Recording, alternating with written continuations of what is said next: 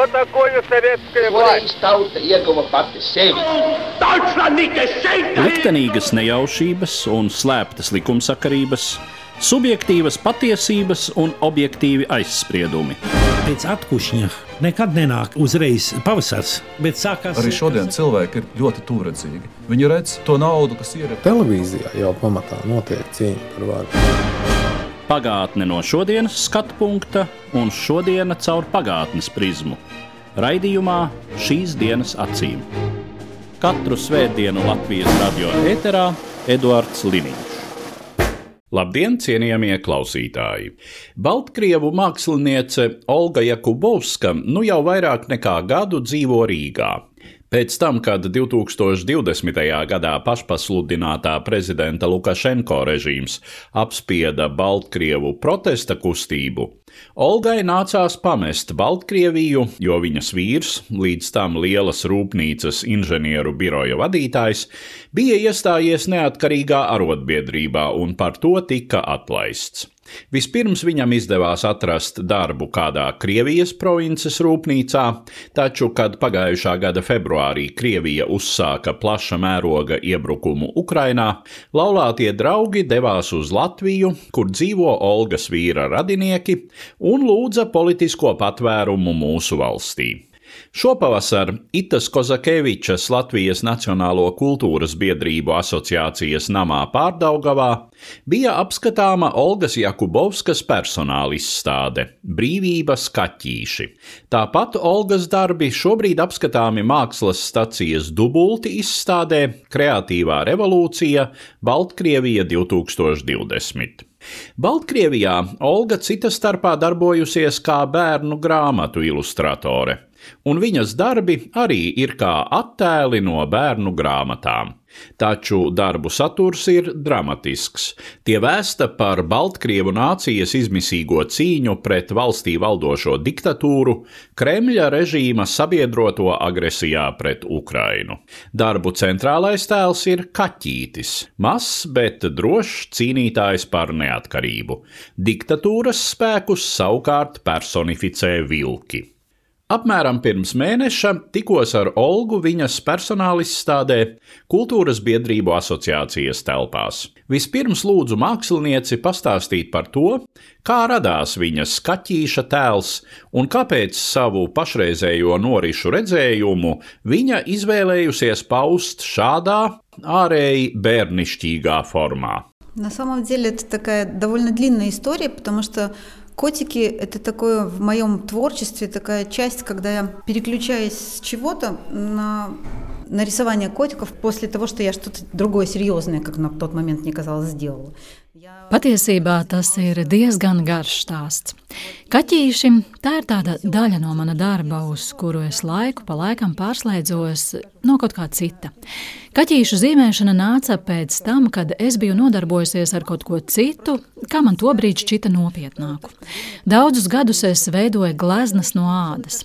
Bet, kad man vajadzēja pārslēgties no kāda darba, ko es biju ilgi un nopietni darījusi, tad es zīmēju tādas jautras bildītes.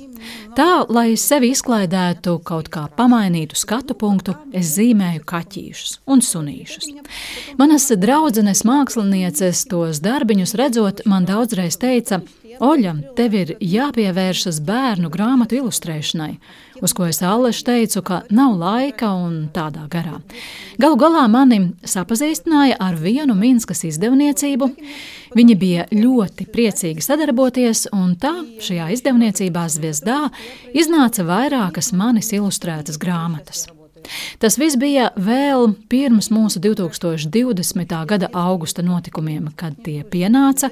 Bija tiešām dažas dienas, kad es domāju, ka vispār nekad vairs nevarēšu zīmēt. Pilnīgi neko. Tu iedomājies kaut kādas puķītes, bet tur cilvēki vienkārši mirst ielās. Cilvēkus taču patiešām nogalināja. Mani tas šausmināja, sāpināja, ļoti skumdināja. Es sapratu, ka vienkārši jūku prātā no jaunumiem. Es daudz raudāju, kā domājams visi tajā laikā Baltkrievijā. Un kādā brīdī es sapratu, ka, ja es tagad neatsākšu kaut ko darīt, es vienkārši zaudēšu prātu. Patiešām es ļoti ilgi mēģināju sevi pierunāt, kaut vismaz kaut ko uzzīmēt. Un lieta tāda, ka kaķīti es varu uzzīmēt kaut ar acīm ciet. Nu, ja neko citu nevar, tad kaķi taču var uzzīmēt. Tā nu es apsēdos zīmēt, un tajā brīdī ziņas момент новости, как бы у меня все время компьютер как бы включен, и там, значит, у нас есть такая народный герой Беларуси, я думаю, что она обязательно получит это звание настоящего народного героя Беларуси, Нина Багинская, ей уже больше 75 лет. Она... Mans dators visu laiku bija ieslēgts. Mums ir tāda tautas varone. Es domāju, reiz viņu patiešām saņems īstu Baltkrievijas tautas varoņu titulu. Viņu sauc Nina Baginska. Viņai ir jau pāri 75 gadiem, un viņa nu jau vairāk nekā 30 gadus staigā ar mūsu balti sarkani balto karogu. Viņa ir ārēji trausla, neliela auguma sieviete, bet ļoti stipra. Un te nu es ziņu video redzu, kā viņa iet ar šo karogu, un viņai fonā tās milzīgās omoniešu pieres. Viņa stāv tādi divmetrīgi un ņina ar savu pusotra metra augumu iet lepni nesdama savu karogu.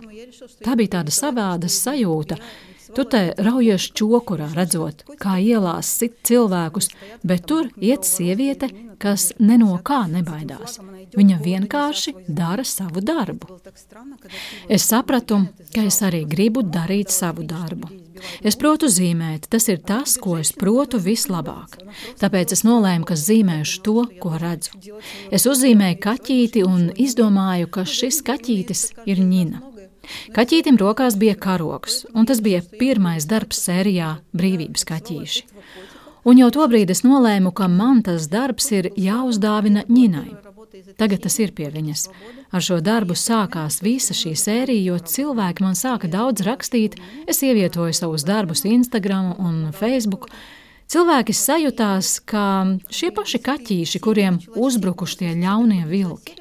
Šie vilki uzzīmējās it kā paši no sevis. Viņi tur vienkārši stāvēja kā tāds pelēks fons, un tāpēc es izdomāju, tā tad vilki un kaķīši. Tāda bērnu pasakas tēma.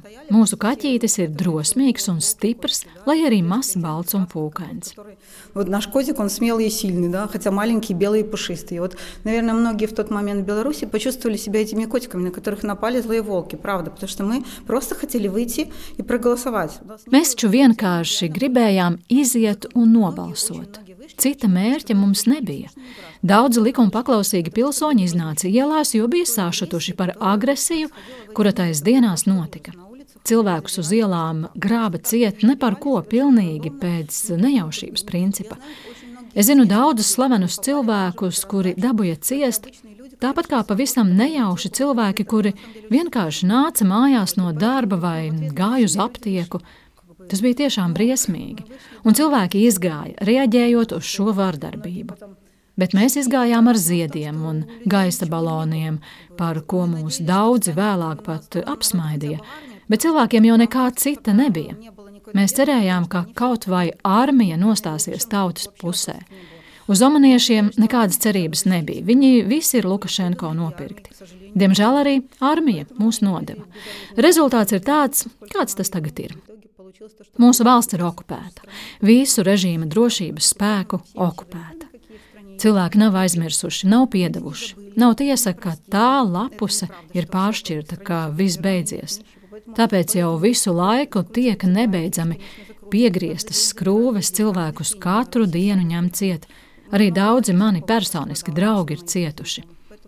Tātad man tas viss sākās ar kaķīšiem, un pēc tam izrādījās, kad Minskā un citās pilsētās bija šīs lielās demonstrācijas, cilvēki tajās gāja ar tādu plakātu Baltkrievi kā kaķīši, viņiem ir ķepas un nadziņi. Kad es to ieraudzīju, tad es teicu, lūk, не es vienīgā. Белорусы котики, у них лапки и когтики. И вот это вот прям с плакатом люди ходили. А когда это я увидела уже потом, я говорю, ну вот же, вот же, не только я одна. Bez tā pirmā kaķīša jums ir arī citi ar konkrētiem prototipiem. Очень много. Особенно сейчас я много очень времени посвящаю людям, которые прямо сейчас сидят в тюрьме. Ļoti daudz, ir tīpaši tagad. ļoti daudz laika es veltu cilvēkiem, kuri tieši tagad sēž cietumos vai ir jau atbrīvoti, bet nosēdējuši ilgus termiņus. Es saprotu, ka visus jau man neaptvert. Pēc oficiāliem datiem vien mums ir vairāk nekā pusotras tūkstotis politieslodzīto.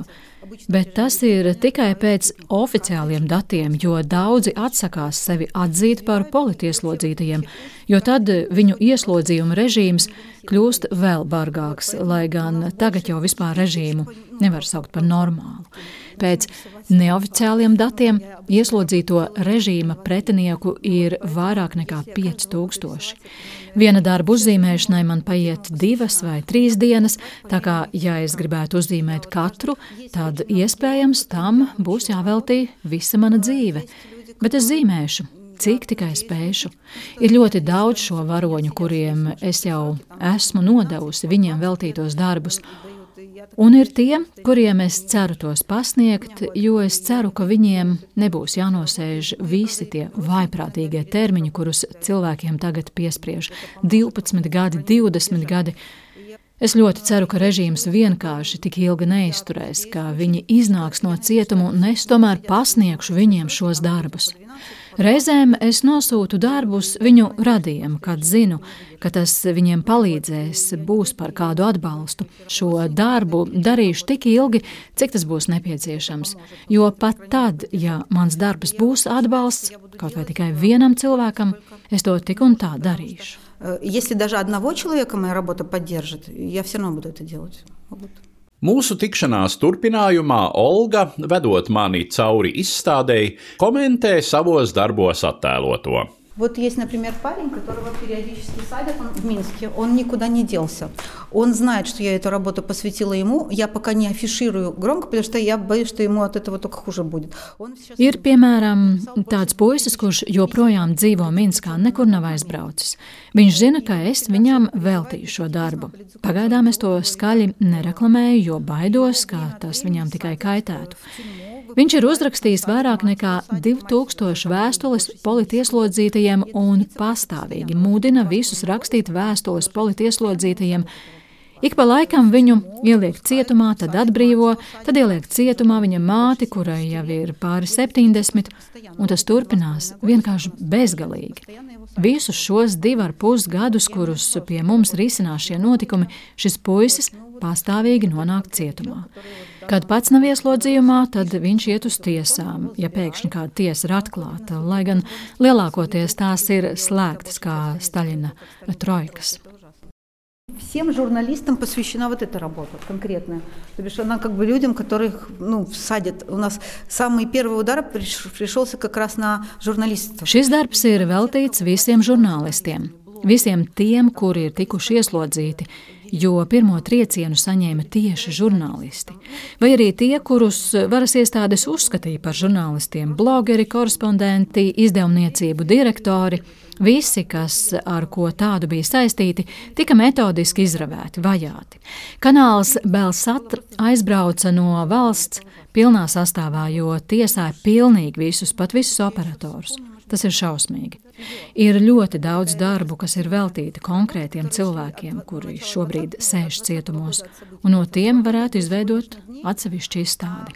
Работы, которые посвящены конкретным героям, это там их много, и я бы сделала вот прям отдельную выставку, которая посвящена именно вот людям, которые сидят.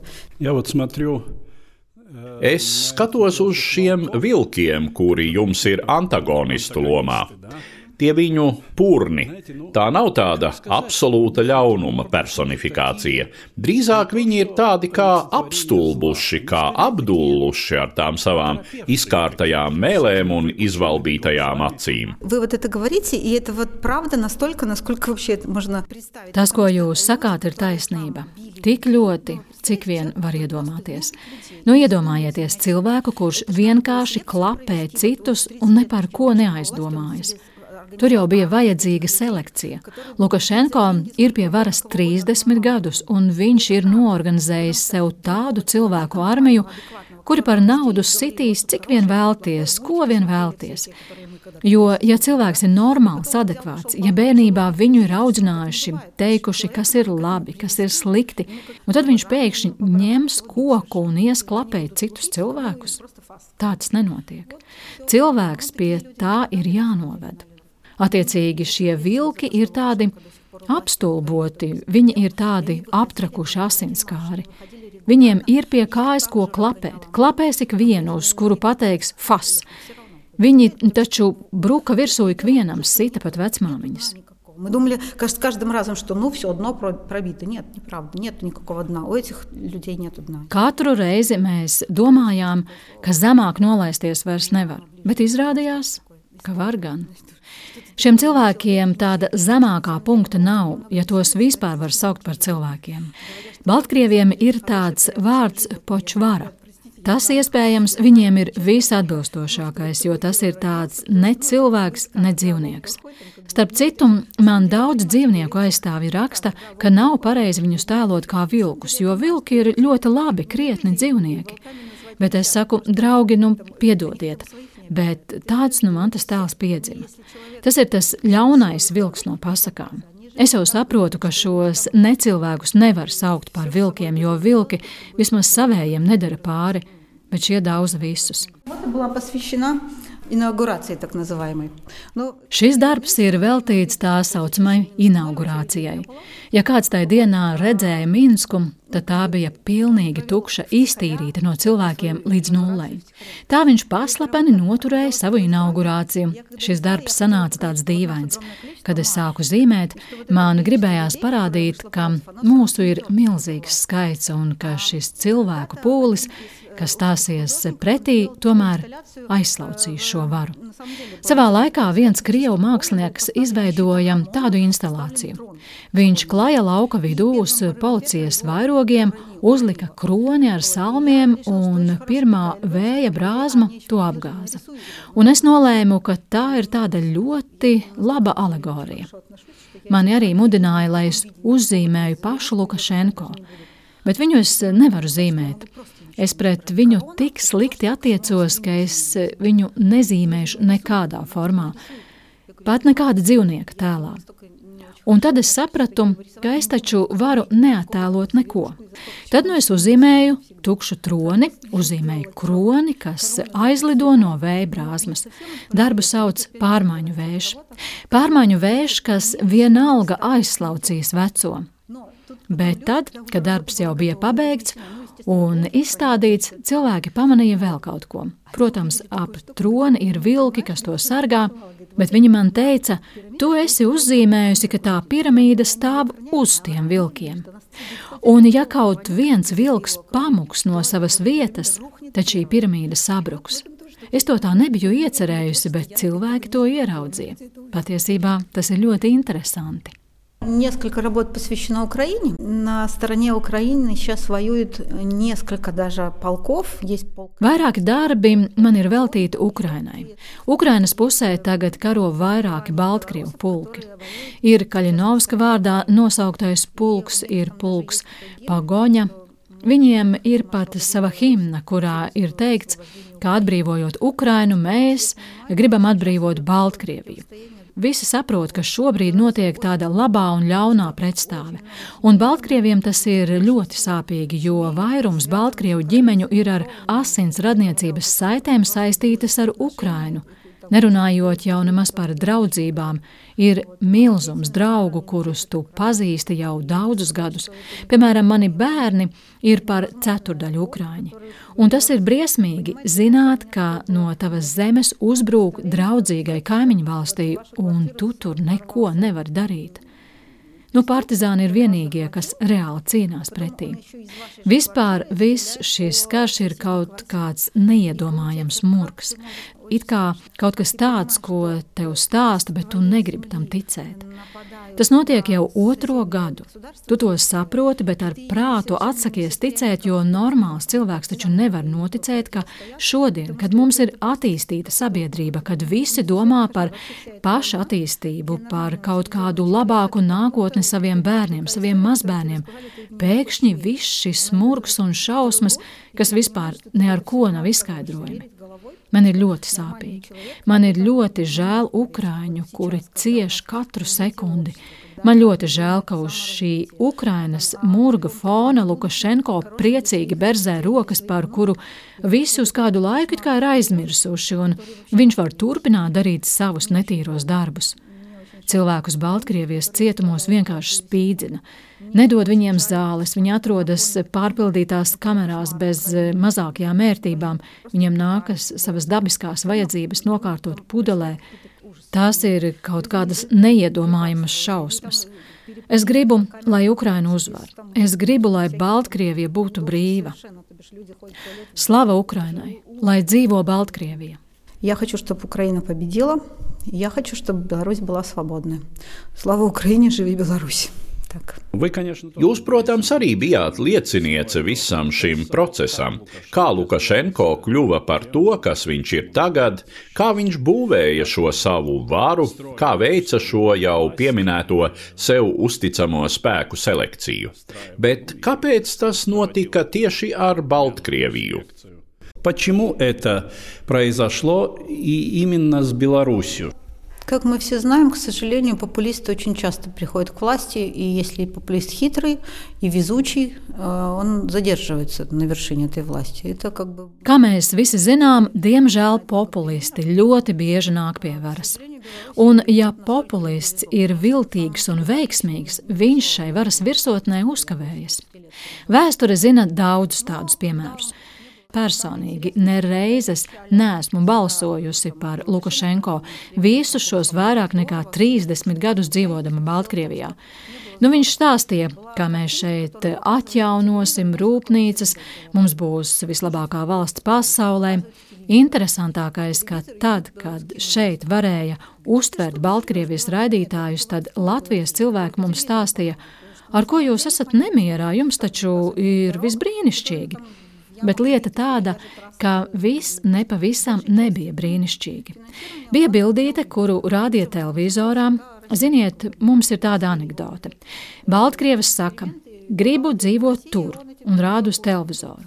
Tur to brīdi pārraida Baltkrievijas ziņas. Viņam saka, bet tu taču dzīvo Baltkrievijā. Viņš atbild, nē, es gribu tajā Baltkrievijā, kuru rāda pa televizoru. Viņš vienkārši prata izsist finansējumu, pie tam vienmēr to finansēja Krievija. Kā jūs saprotat, Krievija deva naudu visiem šiem eksperimentiem, un viņš to prasmīgi izmanto jau 30 gadus. Ja nebūtu bijis Krievijas, nekādu Lukašenko sen vairs nebūtu. Jūs jau saprotat, ka abi vadoņi viens otru nemīl, bet tajā pašā laikā atbalsta. Tā kā tas viss ir tāds skumjš stāsts. Protams, visu šo varas sistēmu viņš uzbūvēja atbilstoši sev. Viņš vienīgais valstī izlemj visu. Ir vēl viena anekdote, kā viņš pa telefonu šķiro kartupeļus. Šito pa labi, šito pa kreisi. Jo valstī bez viņa netiek darīts nekas. Ir it kā pats par sevi saprotams, ka nav nevienas citas partijas, kas varētu ar viņu konkurēt vēlēšanās. Viņš visu ir iztīrījis līdz nulē. Nav neviena spēka, kas varētu būt viņam pretsvars. Viņš ir uzcēlis savā vārdā nosauktu valsti. Šobrīd nav pat tāda cilvēka, kurš, ja Lukašenko pēkšņi nebūtu, varētu viņu aizstāt. Nē, tad noteikti viss sabruktu, jo mūsu valstī viss ir būvēts vienam cilvēkam. Skaidrs, ka ļoti daudzi tajā ir iesaistīti. Šie viņa sargsuņi, kuriem viņš maksā milzu naudu, Tie, protams, par viņu stāvēs kā siena. Viņiem ir dzīvokļi, mašīnas, tas viss ir piesiets šim finansējumam. Protams, tie, kuri vada, ir viņa ielikti amatos. Viņi ir visā tajā iesaistīti. Skaidrs, ka viņi par viņu stāvēs un kritīs. Tomēr tas ir tikai neliels procents no iedzīvotājiem, un viņi jau arī saprot, ka iedzīvotāji tagad dzīvo arvien sliktāk. No veikaliem pazūd preces, pazūd medikamenti, cilvēki cieši. Tas, protams, ir ļoti skumji, bet es, godīgi sakot, nevaru iedomāties citu veidu, kā izdarīt spiedienu uz šo režīmu.